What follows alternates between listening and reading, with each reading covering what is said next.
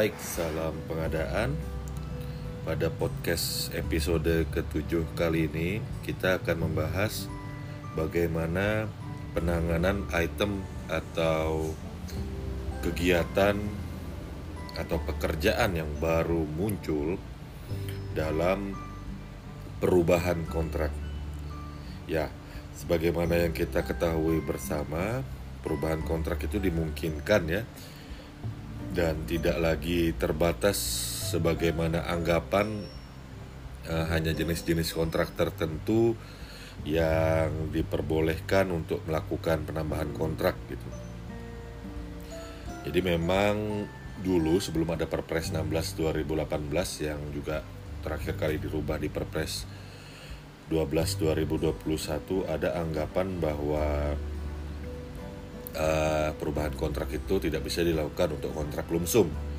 Nah, saat ini semakin dipertegas bahwa kontrak lumsum pun bisa dirubah begitu ya uh, dalam hal sesuai dengan ketentuan di Perpres 16 2018 yang dirubah terakhir kali di Perpres 12 2021. Nah, bila kita memperhatikan begitu dalam pasal 54 ayat 1 Perpres pengadaan ya lingkup-lingkup yang dimungkinkan perubahan kontrak itu adalah menambah atau mengurangi volume yang tercantum dalam kontrak, menambah dan atau mengurangi jenis kegiatan, mengubah spesifikasi teknis sesuai dengan kondisi lapangan dan atau mengubah jadwal pelaksanaan.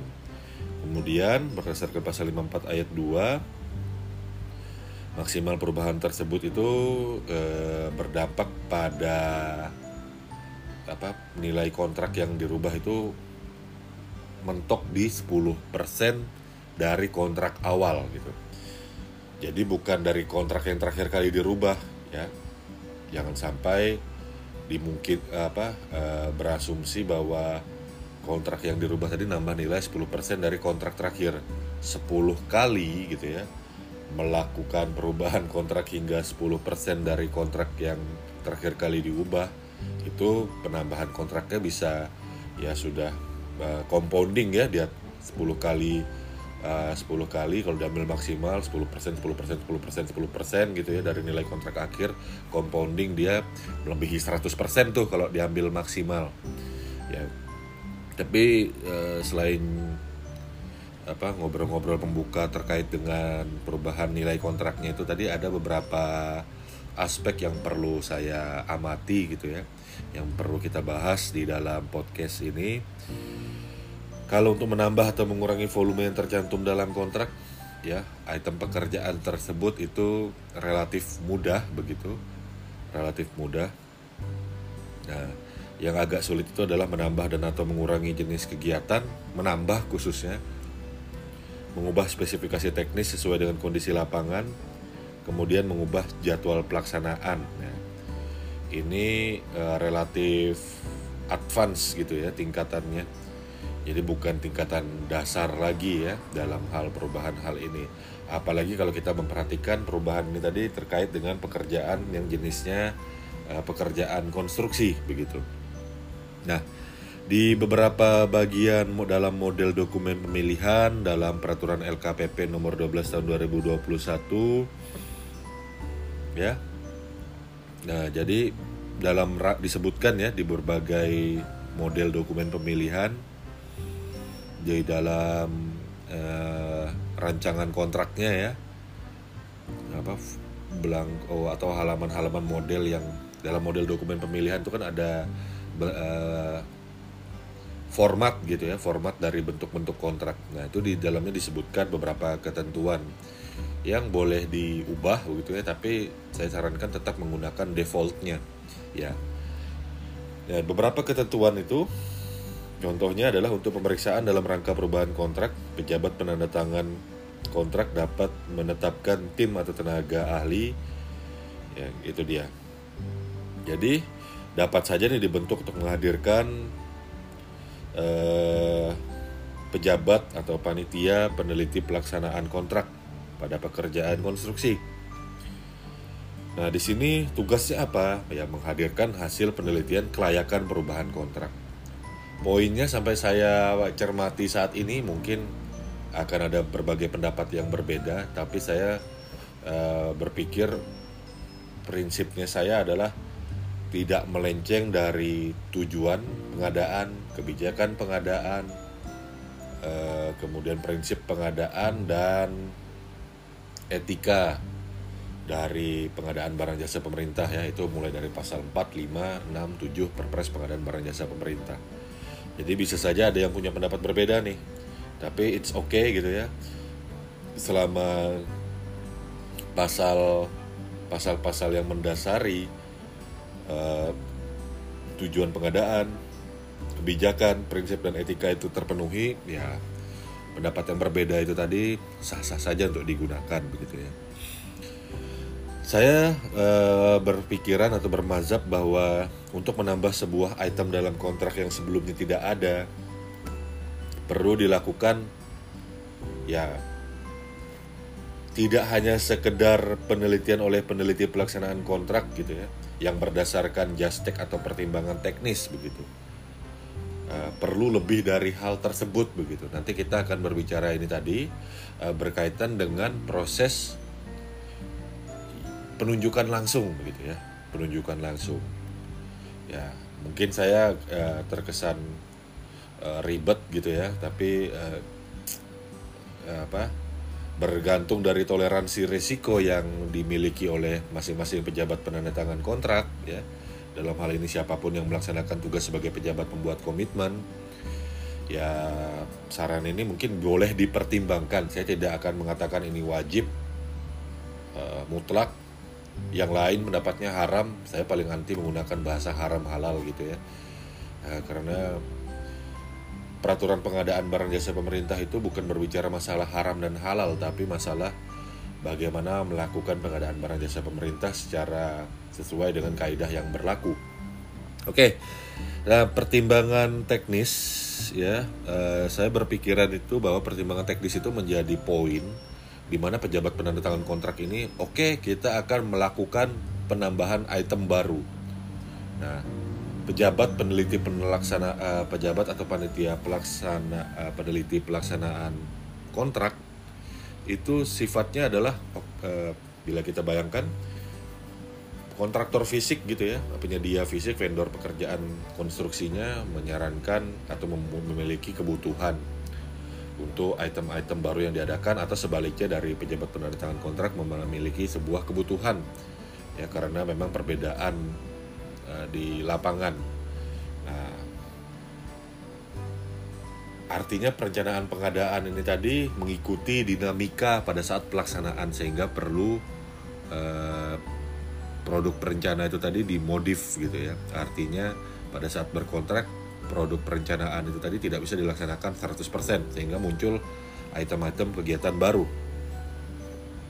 Nah, bagi saya ya eh, perlu dikembalikan lagi eh, sebelum kembali bicara kembalikan ya panitia atau pejabat peneliti kontrak ini tadi menjadi semacam think tank gitu ya untuk berpikirnya pejabat pembuat pejabat penandatangan kontrak Oke, ada usulan.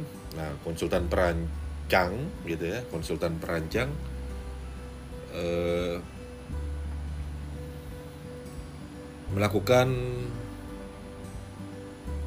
apa namanya eh, eh, konsultan perancang, konsultan atau konsultan pengawas sekalipun ya karena bagian dari timnya pejabat penandatangan kontrak ini dan juga tim ahli tim teknis atau personil-personil lainnya yang memang ditunjuk sebelumnya gitu ya ditugaskan itu oke okay, meneliti nih ya pelaksanaan kontrak ini memang benar tidak di item-item baru yang mau akan ditambahkan di adendum kontrak ini layak memang menjadi sesuatu yang perlu dihadirkan nantinya.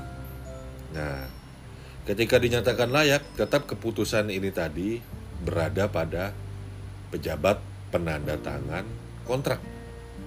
Nah, Bila tidak, nah oke maka hal ini ditolak gitu ya secara administratif ya karena nanti penyedia kan mengusulkan penyedia fisik kan konstruksinya itu kan mengusulkan secara tertulis tuh baru dikaji ditelaah sama peneliti kontrak bersama uh, justifikasi teknis yang diserahkan dari konsultan gitu ya nah, baru PPK pejabat penandatangan kontrak ya mengambil sebuah keputusan. Ketika tidak tadi ya sudah berarti uh, tidak perlu dilaksanakan oleh uh, kontraktor pekerjaan konstruksinya. Tapi ketika memang diperlukan, nah bagi saya kompetisinya tetap harus dijaga. Kompetisinya tetap harus dijaga karena ini berkaitan dengan akuntabilitas. Ya, pertanggungjawaban. Karena ini item baru berbeda dengan pekerjaan yang sifatnya perubahan volume. Perubahan volume ya cukup melihat dari existing item yang ada gitu ya. Kalau dia bertambah begitu kan, dilihat nih timpang apa tidak timpang. Kalau seandainya dinyatakan timpang pada saat proses pemilihan, maka item yang bertambah tersebut begitu itu akan menjadi uh, mengacu harga satuannya kepada harga perkiraan sendiri bila dinyatakan uh, dalam status saya timpang gitu ya. Tapi kalau tidak timpang ya normal-normal saja maka harga yang digunakan adalah harga penawaran dari penyedia. Itu mudah kalau untuk cuma masalah tambah kurang volume begitu. Tapi yang item yang atas tambah kurang volume atas pekerjaan yang sudah ada dari proses pemilihan penyedia. Nah, kondisinya ini kan kalau dia muncul dalam proses pemilihan penyedia berarti kan sesuai perencanaan nih. Nah, masalahnya kan ada yang tidak sesuai perencanaan. Nah, saya kembalikan lagi ya ke dalam dokumen pengadaan, model dokumen pengadaan tepatnya dalam Perlem 12 2021 ya bahwa memang disebutkan bahwa perintah perubahan pekerjaan dibuat oleh pejabat penandatangan kontrak secara tertulis kepada penyedia. Kemudian dilanjutkan dengan negosiasi teknis dan harga dengan tetap mengacu pada ketentuan yang tercantum dalam kontrak awal. Kemudian dalam MDP itu dilanjutkan lagi dengan klausul hasil negosiasi tersebut dituangkan dalam berita acara sebagai dasar penyusunan adendum kontrak. Nah, dalam model dokumen pemilihan ini memang tidak disebutkan dengan jelas begitu ya. Siapa yang melakukan eh, negosiasi teknis dan harga. Artinya apa namanya model doku, model dokumen ya. Dia tidak eh, dia dapat dibuat sesuai dengan kebutuhan gitu. Nah, permasalahannya adalah kalau kita berbicara resiko pekerjaan kontraknya yang kecil begitu ya, kemudian uh, nilainya juga relatif kecil apa segala macam. Uh, mungkin mungkin ya kalau yang berpendapat lain uh, bisa saja hal ini tadi dilakukan cukup di tim peneliti pelaksanaan kontrak cukup untuk masalah negosiasi harga dan negosiasi teknis. Tapi kalau saya pribadi berpendapat boleh berpendapat begitu ya. Dan pastinya boleh karena ini podcastnya saya gitu ya yang tidak sependapat silahkan menggunakan uh, pendapat orang lain gitu ya. Tapi saya berpendapat bahwa yang memiliki kompetensi untuk melakukan proses ya proses negosiasi teknis dan harga ini adalah yang memiliki kompetensi begitu. Nah dalam artian ya selama dia pejabat pengelola pengadaan gitu ya pejabat fungsional pengelola pengadaan barang jasa pemerintah memiliki kompetensi untuk menegosiasikan harga gitu ya dalam proses pemilihan penyedia ya sah-sah saja dia yang melaksanakan begitu ya.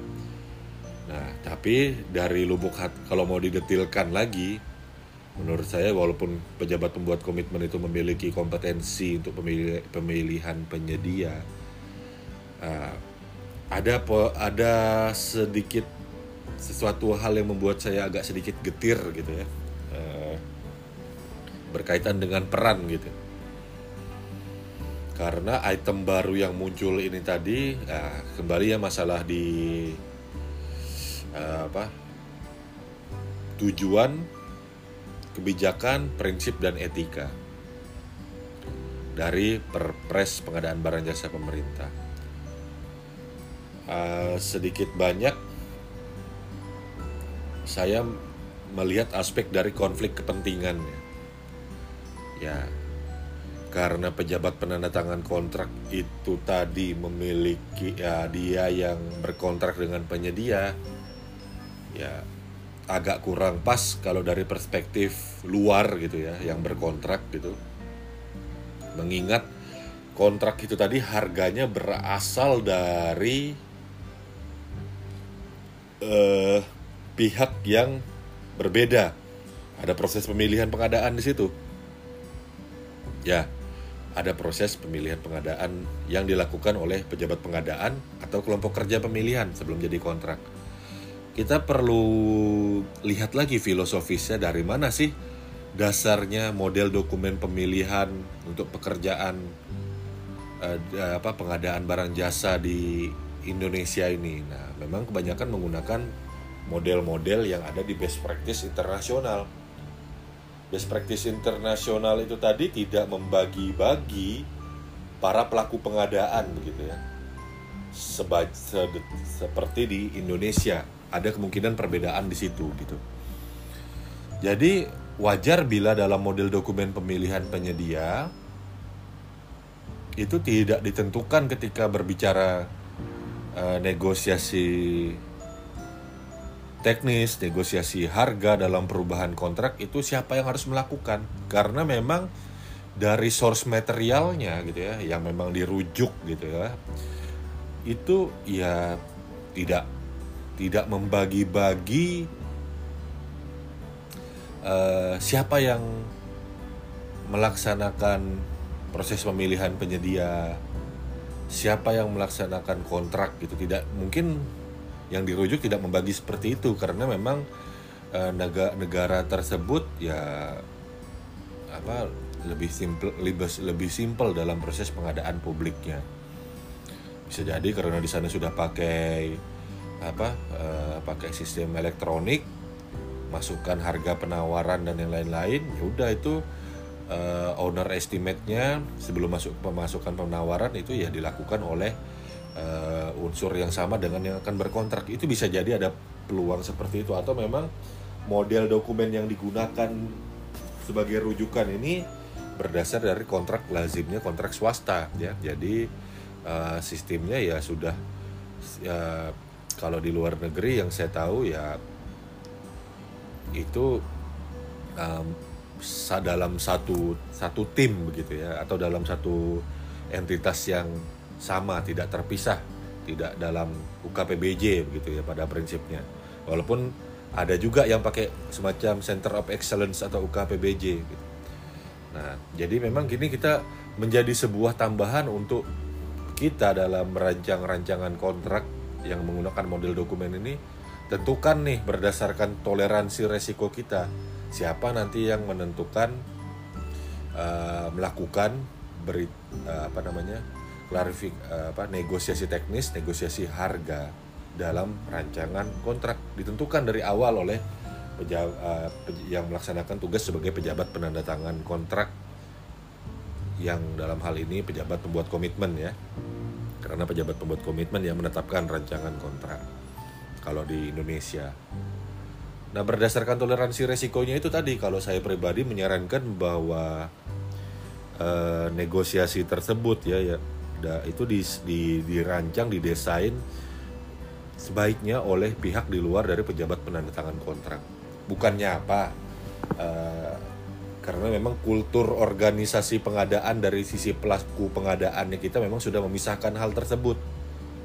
Nah, jadi sebaiknya dipisahkan Nah, maka tinggal ditambahkan di rancangan kontraknya siapa yang melakukan klarifikasi atau negosiasi teknis gitu ya.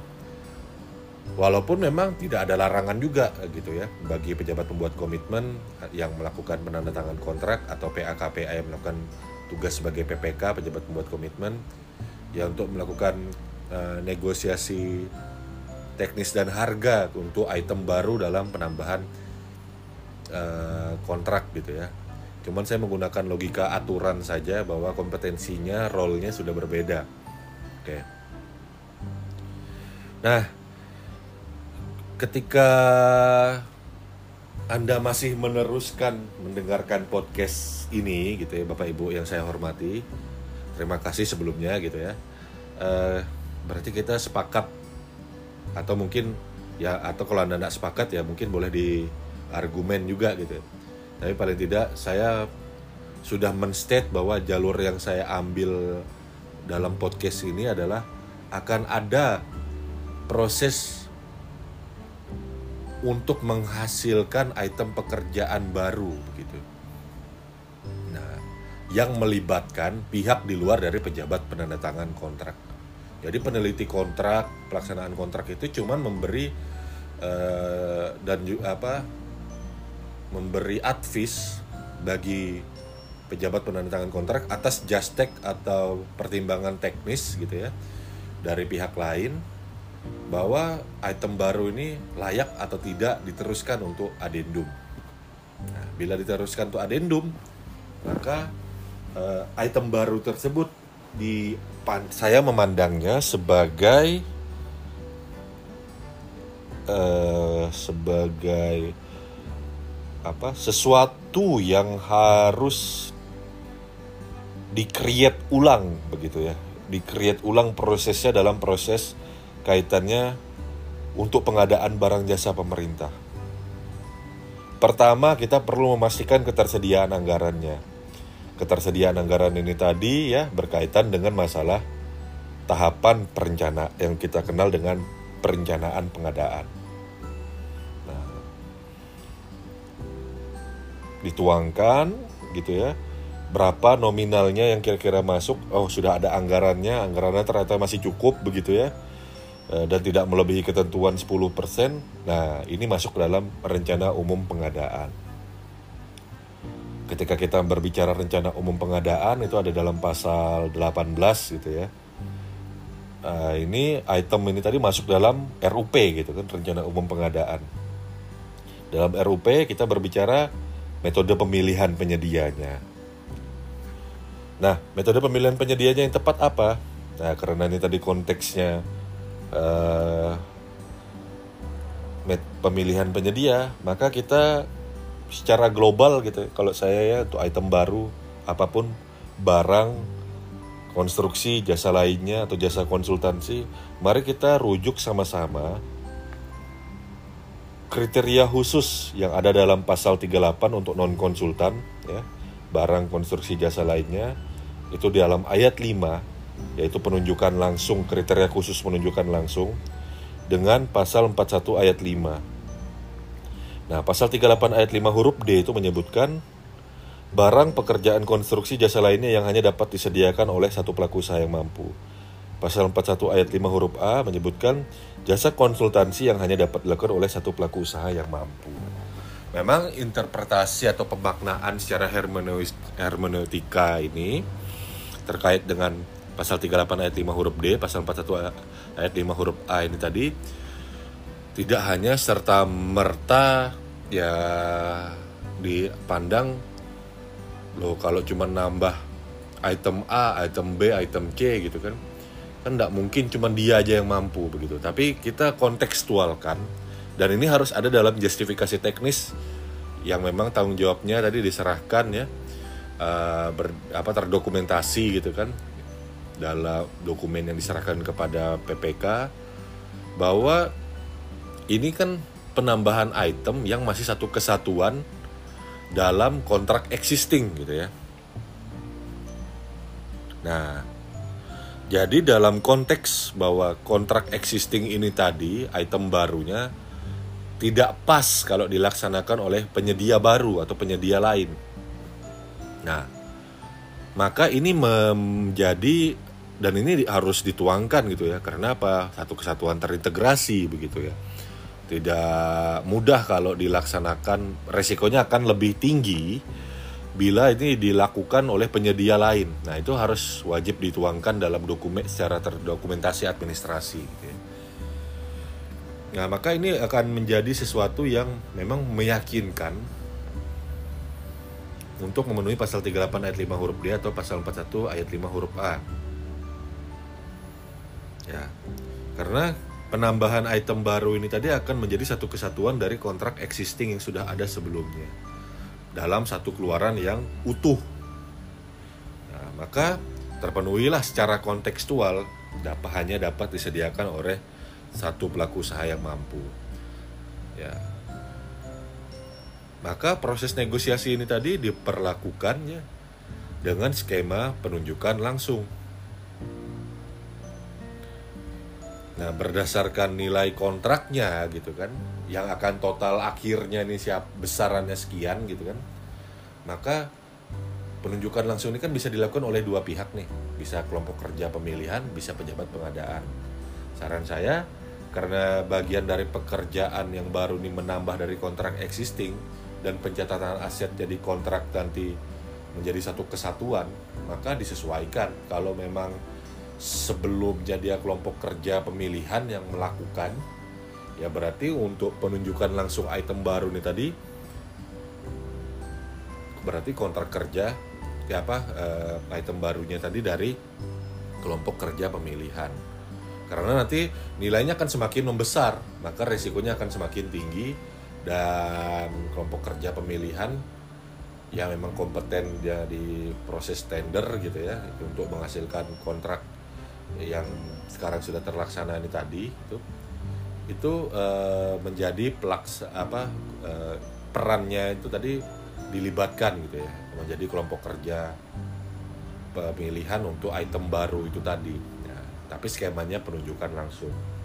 Dan nanti kita akan berbicara masalah terkait konflik kepentingan lagi gitu ya. Uh, siap pokjanya apakah pokja yang sama atau pokja yang berbeda Demikian juga kalau untuk kontrak itu yang berasal dari apa pejabat pengadaan berarti ini kan resikonya rendah ya, nilainya relatif kecil itu maka uh, cukup dengan pejabat pengadaan. Nah, tadi saya sudah menyampaikan bahwa pekerjaan untuk item baru ini tadi mulai lagi dari tahap perencanaan gitu kan. Kita berbicara anggarannya tersedia, jadwalnya bagaimana, cukup apa tidak dan ke jadwal dan anggaran, kemudian RUP-nya ya dan seterusnya gitu ya. Sesuai dengan sasaran tidak atau seterusnya. Nah, setelah dinyatakan layak maka jadilah hasil perencanaan untuk pengadaan item baru tadi. Nah, pasal 25-nya tetap harus dijalankan gitu ya. Pasal 25 ini maksudnya persiapan pengadaan melalui penyedia. Artinya apa? Pejabat pembuat komitmen melakukan ya penyusunan HPS untuk item baru, rancangan kontrak dan kesesuaian spesifikasi teknis atau kerangka acuan kerja untuk jasa konsultansi untuk item-item yang ditambahkan baru ini tadi gitu ya. Karena ini nanti akan menjadi bagian dari kontrak gitu kan, kontrak adendumnya. Dengan demikian, aspek pelaksanaan penunjukan langsung ini perlu lagi nih jadi bukan main tunjuk bukan nambah main item baru itu tapi perlu ya PPK melakukan kembali nih persiapan pengadaan. Nah tujuannya apa sih gitu ya? Kok harus repot-repot? Apakah nggak cukup nih justifikasi teknis dari konsultan ya atau pertimbangan teknis dari konsultan kemudian dari pertimbangan teknis dari konsultan itu tadi dari tim peneliti kontrak memberikan masukan uh, ini layak gitu ya untuk kesesuaian output kontrak. Baru PPK menetapkan uh, ini diterima permintaan item baru ini tadi. Kenapa sih nggak langsung tinggal apa namanya item baru tadi di dimasukkan dalam uh, daftar gitu ya, daftar daftar keluaran atau daftar daftar uh, kuantitas gitu dari kontrak yang adendumnya. Kenapa tidak langsung begitu saja? Ya karena memang menurut saya tidak bisa ya asal terima saja. Gitu kan.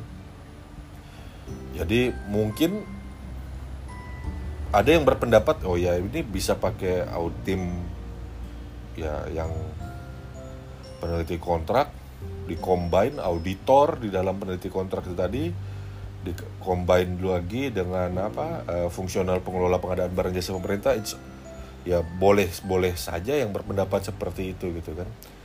Ya, tapi kalau saya ya tetap selain audit gitu ya dari memang ahlinya gitu kan dari APIP atau dari BPKP ya. Nah, di sini pokmil atau pejabat pengadaan eh, yang melakukan negosiasi teknis dan negosiasi harga atau biaya itu tadi. Kenapa sih kok ribet-ribet gini tadi? Akuntabilitas yang saya sebutkan di awal tadi ya, eh, perlu dijaga Bapak Ibu sekalian yang saya hormati. Akuntabilitas dan juga sekaligus memastikan kualitas atau quality assurance terhadap prosedur pencantuman harga-harga item yang baru itu tadi. Nah, maka saya kalau saya pribadi ya sudah. Jadi ada perencanaan, ada persiapan gitu ya. Misalkan nambah item X gitu. Ada HPS untuk dari item X ini tadi yang ditetapkan oleh pejabat penandatangan kontrak. Nah, HPS yang baru ini tadi kan berdasarkan harga pasar. Kemudian proses negosiasinya tetap nih untuk uh, apa namanya independensi akuntabilitas itu tadi. Ya yang laku, melakukan negosiasi teknis, negosiasi biaya ya kelompok kerja pemilihan yang memang kompeten di situ gitu ya. Atau uh, saya coba balik deh bukan cuma pejabat apa bukan cuma kelompok kerja pemilihan tapi pengelola pengadaan barang jasa pemerintah yang memang kompeten terlepas dari perannya berdasarkan nilainya gitu nilai kontrak terakhir setelah di adendum gitu kan potensinya potensi nilai kontrak terakhir setelah di adendum apakah ini masuk dalam nilai yang masuk kategori pokmil ya kelompok kerja pemilihan atau pejabat pengadaan nah jadi ya itu tadi ya dilakukan penunjukan langsung gitu ya. Dari prosesnya setelah uh, eh, PPK melakukan perencanaan, melakukan persiapan ada HPS barunya yang sesuai dengan harga pasar yang valid. Kemudian untuk item baru itu tadi ada speknya juga, ada perubahan rancangan kontraknya juga, maka yang memang menurut saya cocok untuk melakukan negosiasi teknis, negosiasi harga biaya itu adalah Eh, pejabat pengelola pengadaan barang jasa pemerintah fungsional dalam perannya sebagai tim gitu ya pada kelompok kerja pemilihan atau pejabat pengadaan. Nah, nah sekarang apakah ini eh, pejabat pengadaan atau kelompok kerja pemilihan yang sama? Saran saya sebaiknya bukan yang sama, bukan yang sama begitu. Kembali ini uh, mungkin saya terlalu uh, tinggi atau apa terlalu tinggi toleransi risiko saya sehingga seakan-akan terdengar rumit gitu ya. Sebaiknya pisah bukan yang sebelumnya. Kenapa? Uh, rawan persepsi negatif gitu ya. Rawan persepsi negatif.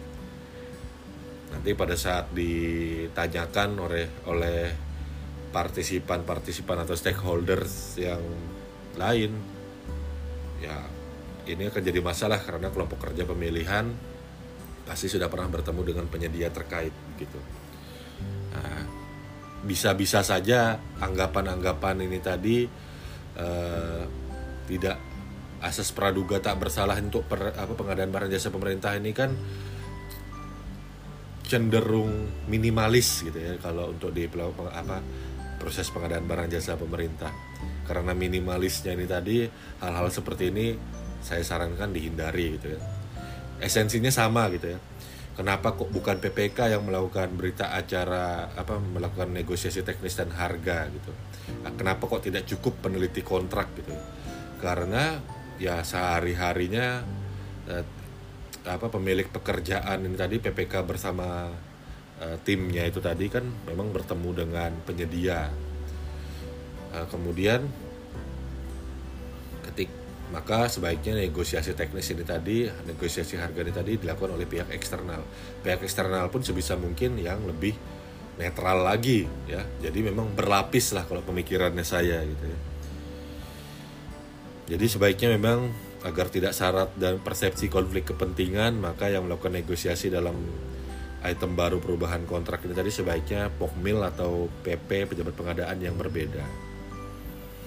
Nah, kita bisa coba rangkum ya apa yang sudah kita bahas sejauh ini gitu ya.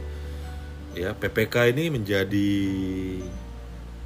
semakin krusial dan strategis untuk melaksanakan pengendalian kontrak. Pengendalian kontrak ini tadi dalam hal pelaksanaan kontraknya itu dimungkinkan perubahan kontrak.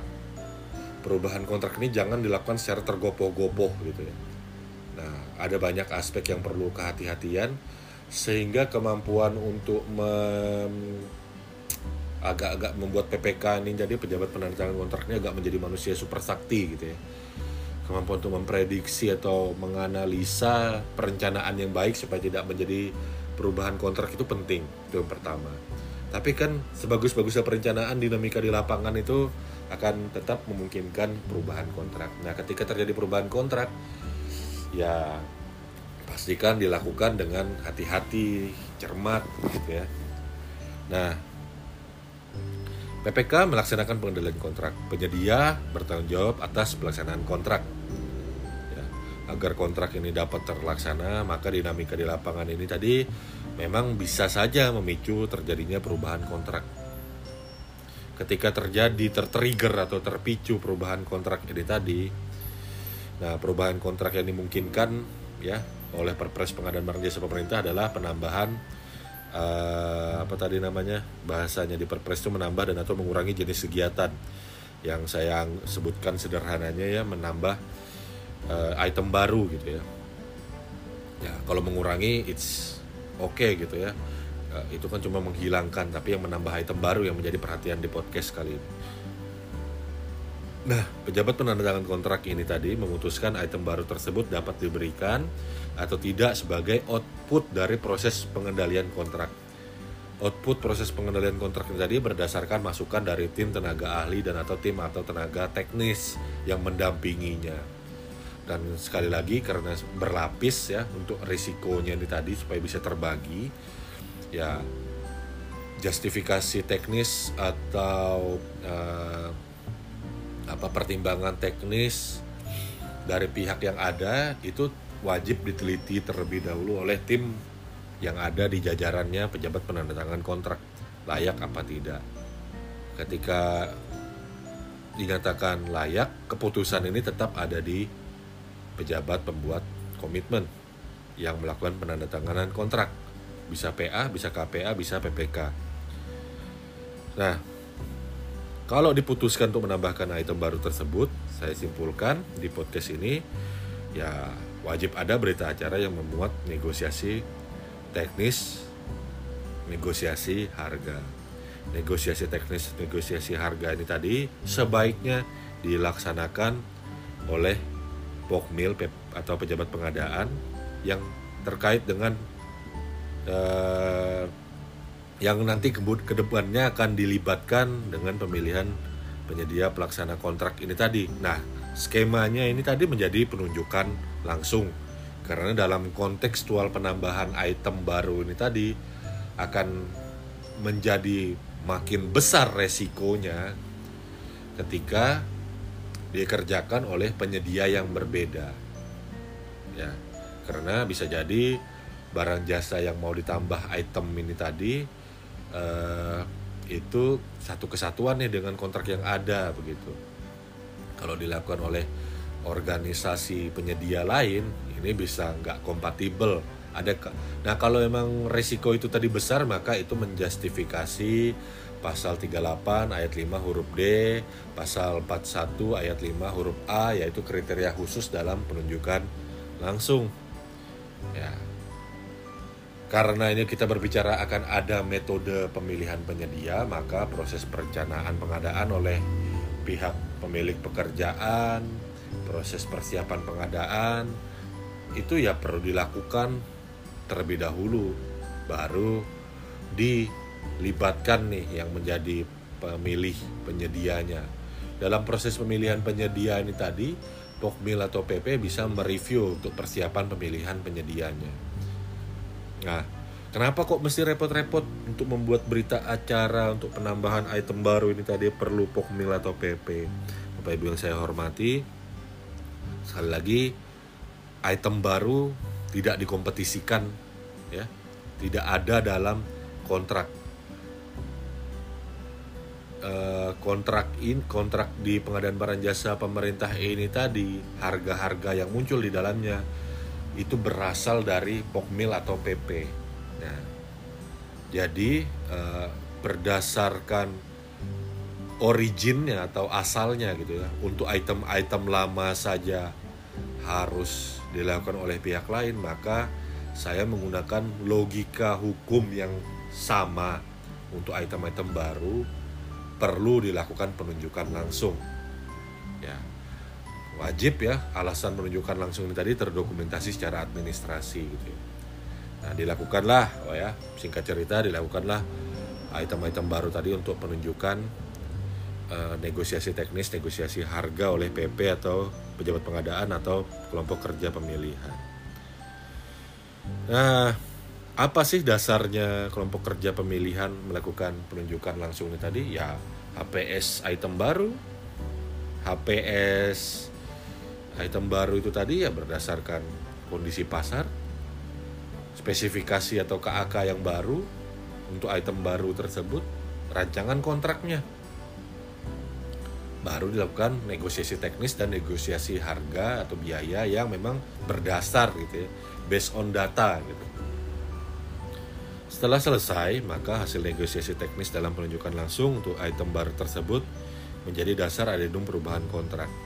Ketika sudah di adendum, kembali saya tidak lupa mengingatkan Bapak Ibu yang saya hormati, pejabat penandatangan kontrak melakukan adendum kontrak dan memastikan tetap berlangsung pengendalian kontrak hingga kontrak selesai. Ya, demikian Bapak Ibu yang saya hormati, ya kita bisa apa itu ringkasannya gitu kan. Ya secara garis besar bisa kita simpulkan dari podcast kali ini PPK ini ya wajib melakukan pengendalian kontrak mengidentifikasi potensi adendum ya. Nah, dan dalam hal memutuskan terjadi adendum ya setelah diputuskan adendum itu tadi melakukan persiapan pengadaan untuk melakukan perencanaan hingga persiapan pengadaan untuk item baru ketika sudah selesai persiapan pengadaannya maka pejabat pengadaan kelompok kerja pemilihan melaksanakan uh, tugas negosiasi yang diawali dengan persiapan pemilihan penyedia hingga proses uh, negosiasi teknis dan negosiasi harga biaya dalam skema penunjukan langsung. Adendum di kontraknya, PPK wajib mengendalikan kontrak ya, melaksanakan pengendalian kontrak. Kemudian penyedia bertanggung jawab atas pelaksanaan kontrak barang jasa termasuk kontrak yang di adendum itu tadi. Nah, ini pemikiran saya ya. ribet tapi uh, lebih kepada pemikiran aspek risiko-risiko yang mungkin terjadi kembali saya sampaikan bahwa SDP kita ini tadi berkiblat uh, sorry saya menggunakan istilah SDP model dokumen pengadaan ya MDP kita berkiblat pada aspek-aspek best practice internasional. Nah namanya model dokumen model dokumen pengadaan ya ini adalah standar minimum gitu ya.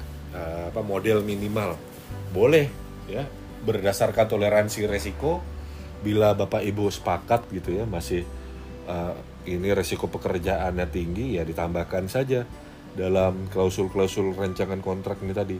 Ketika terjadi perubahan kontrak mungkin bisa didetilkan nih siapa pihak-pihak yang terlibat ketika perubahan kontrak itu cuma kuantitas siapa yang ketika dia jadwal, siapa yang terlibat ketika penambahan pengurangan kegiatan baru atau item baru. Dan di, berkaitan dengan topik utama tajuk dari podcast ini, kalau item itu item baru, ya diperjelas lagi di dalam model dokumen pemilihan yang akan digunakan pada rancangan kontrak itu tadi diperjelas bahwa oh, yang melakukan negosiasi teknis, negosiasi harga adalah kelompok kerja pemilihan atau pejabat pengadaan. Ya, kembali berdasarkan sensitivitas toleransi risiko begitu ya.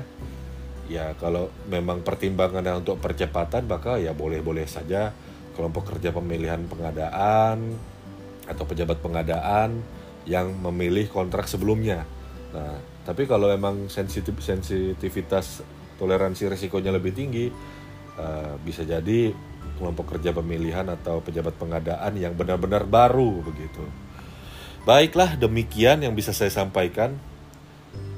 Mungkin uh, pemikiran saya ini uh, belum tentu bisa belum tentu pas begitu ya karena uh, ada hal-hal yang memang apa namanya dari aspek manajerial dari aspek manajemen proyek ternyata memang dipandang tidak efektif silahkan gitu ya di apa didiskusikan atau disempurnakan atau dikomentari gitu ya. Jadi pada prinsipnya Bapak Ibu yang saya hormati saya tidak mengharamkan atau menghalalkan membuat sesuatu apa uh, yang ada di podcast saya ini tadi pendapat saya maupun di blog saya ini menjadi satu-satunya kebenaran.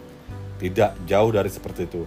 Hanya saja saya meyakini bahwa apa yang saya sampaikan ini lebih berdasarkan kepada fil pemahaman filosofis saya terhadap tujuan, kebijakan, prinsip dan etika pengadaan yang diatur dalam Perpres Pengadaan Barang Jasa Pemerintah nomor 16 tahun 2018 yang diubah oleh Perpres 12 tahun 2021. Demikian dari saya, tetap semangat, tetap berintegritas dan salam pengadaan.